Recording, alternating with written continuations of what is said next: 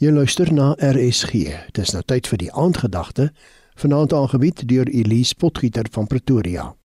Goeienaand luisteraars. 2 Korintiërs 6 vers 7 lees: Ons wapen vir aanval en verdediging is om die wil van God te doen. En Efesiërs 4:24: Lewe as nuwe mense wat as die beeld van God geskep is, lewe volkome volgens die wil van God en wees heilig. Waarom sukkel ons so en is ons met tye huiwerig om onvoorwaardelik die wil van God ons Vader te bid? Ek het onlangs 'n stuk gelees oor die sewe belangrike reëls waarby ons behoort te lewe. Maak vrede met die verlede, want anders beïnvloed dit die hede.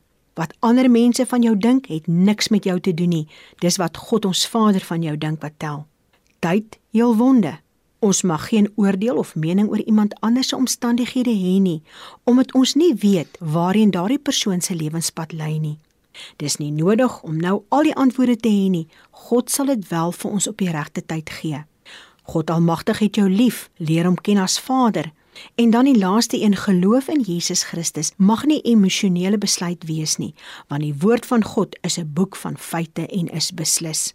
Ek was die afgelope paar maande in baie ernstige gebeure en gesprekke betrokke met God ons Vader oor 'n situasie in my lewe.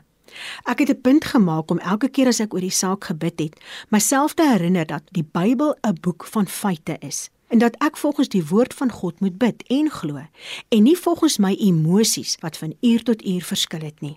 Daarom was my oë, ore, hart, verstand en gedagtes die heeltyd gerig op die woord wat vir ons verduidelik wie God Almagtig is. Deur Jesus Christus het ek 'n kind van God Almagtig geword en is my Vader die bron van liefde. My Vader is betroubaar, barmhartig, genadig. Hy is die bron van guns, vertroue, almagtige krag, almagtige wysheid, almagtige kennis en insig. My Vader is die bron van vrede, vreugde en blydskap om maar net 'n paar te noem.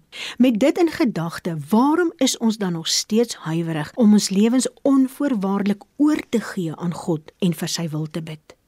Daar kan verskeie redes wees, maar ek glo dis omdat ons nie genoeg vertroue het in God se betroubaarheid nie.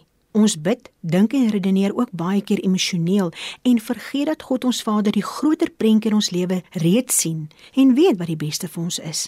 Kortom, ons vertrou nie genoeg nie omdat ons hom nie regtig ken nie. En daarom is ons gebed vanaand Vader in die naam van Jesus Christus, leer my om U te vertrou. Leer my om met oorgawe al my bekommernisse vir U te gee en in U rus en vrede in te gaan. Amen.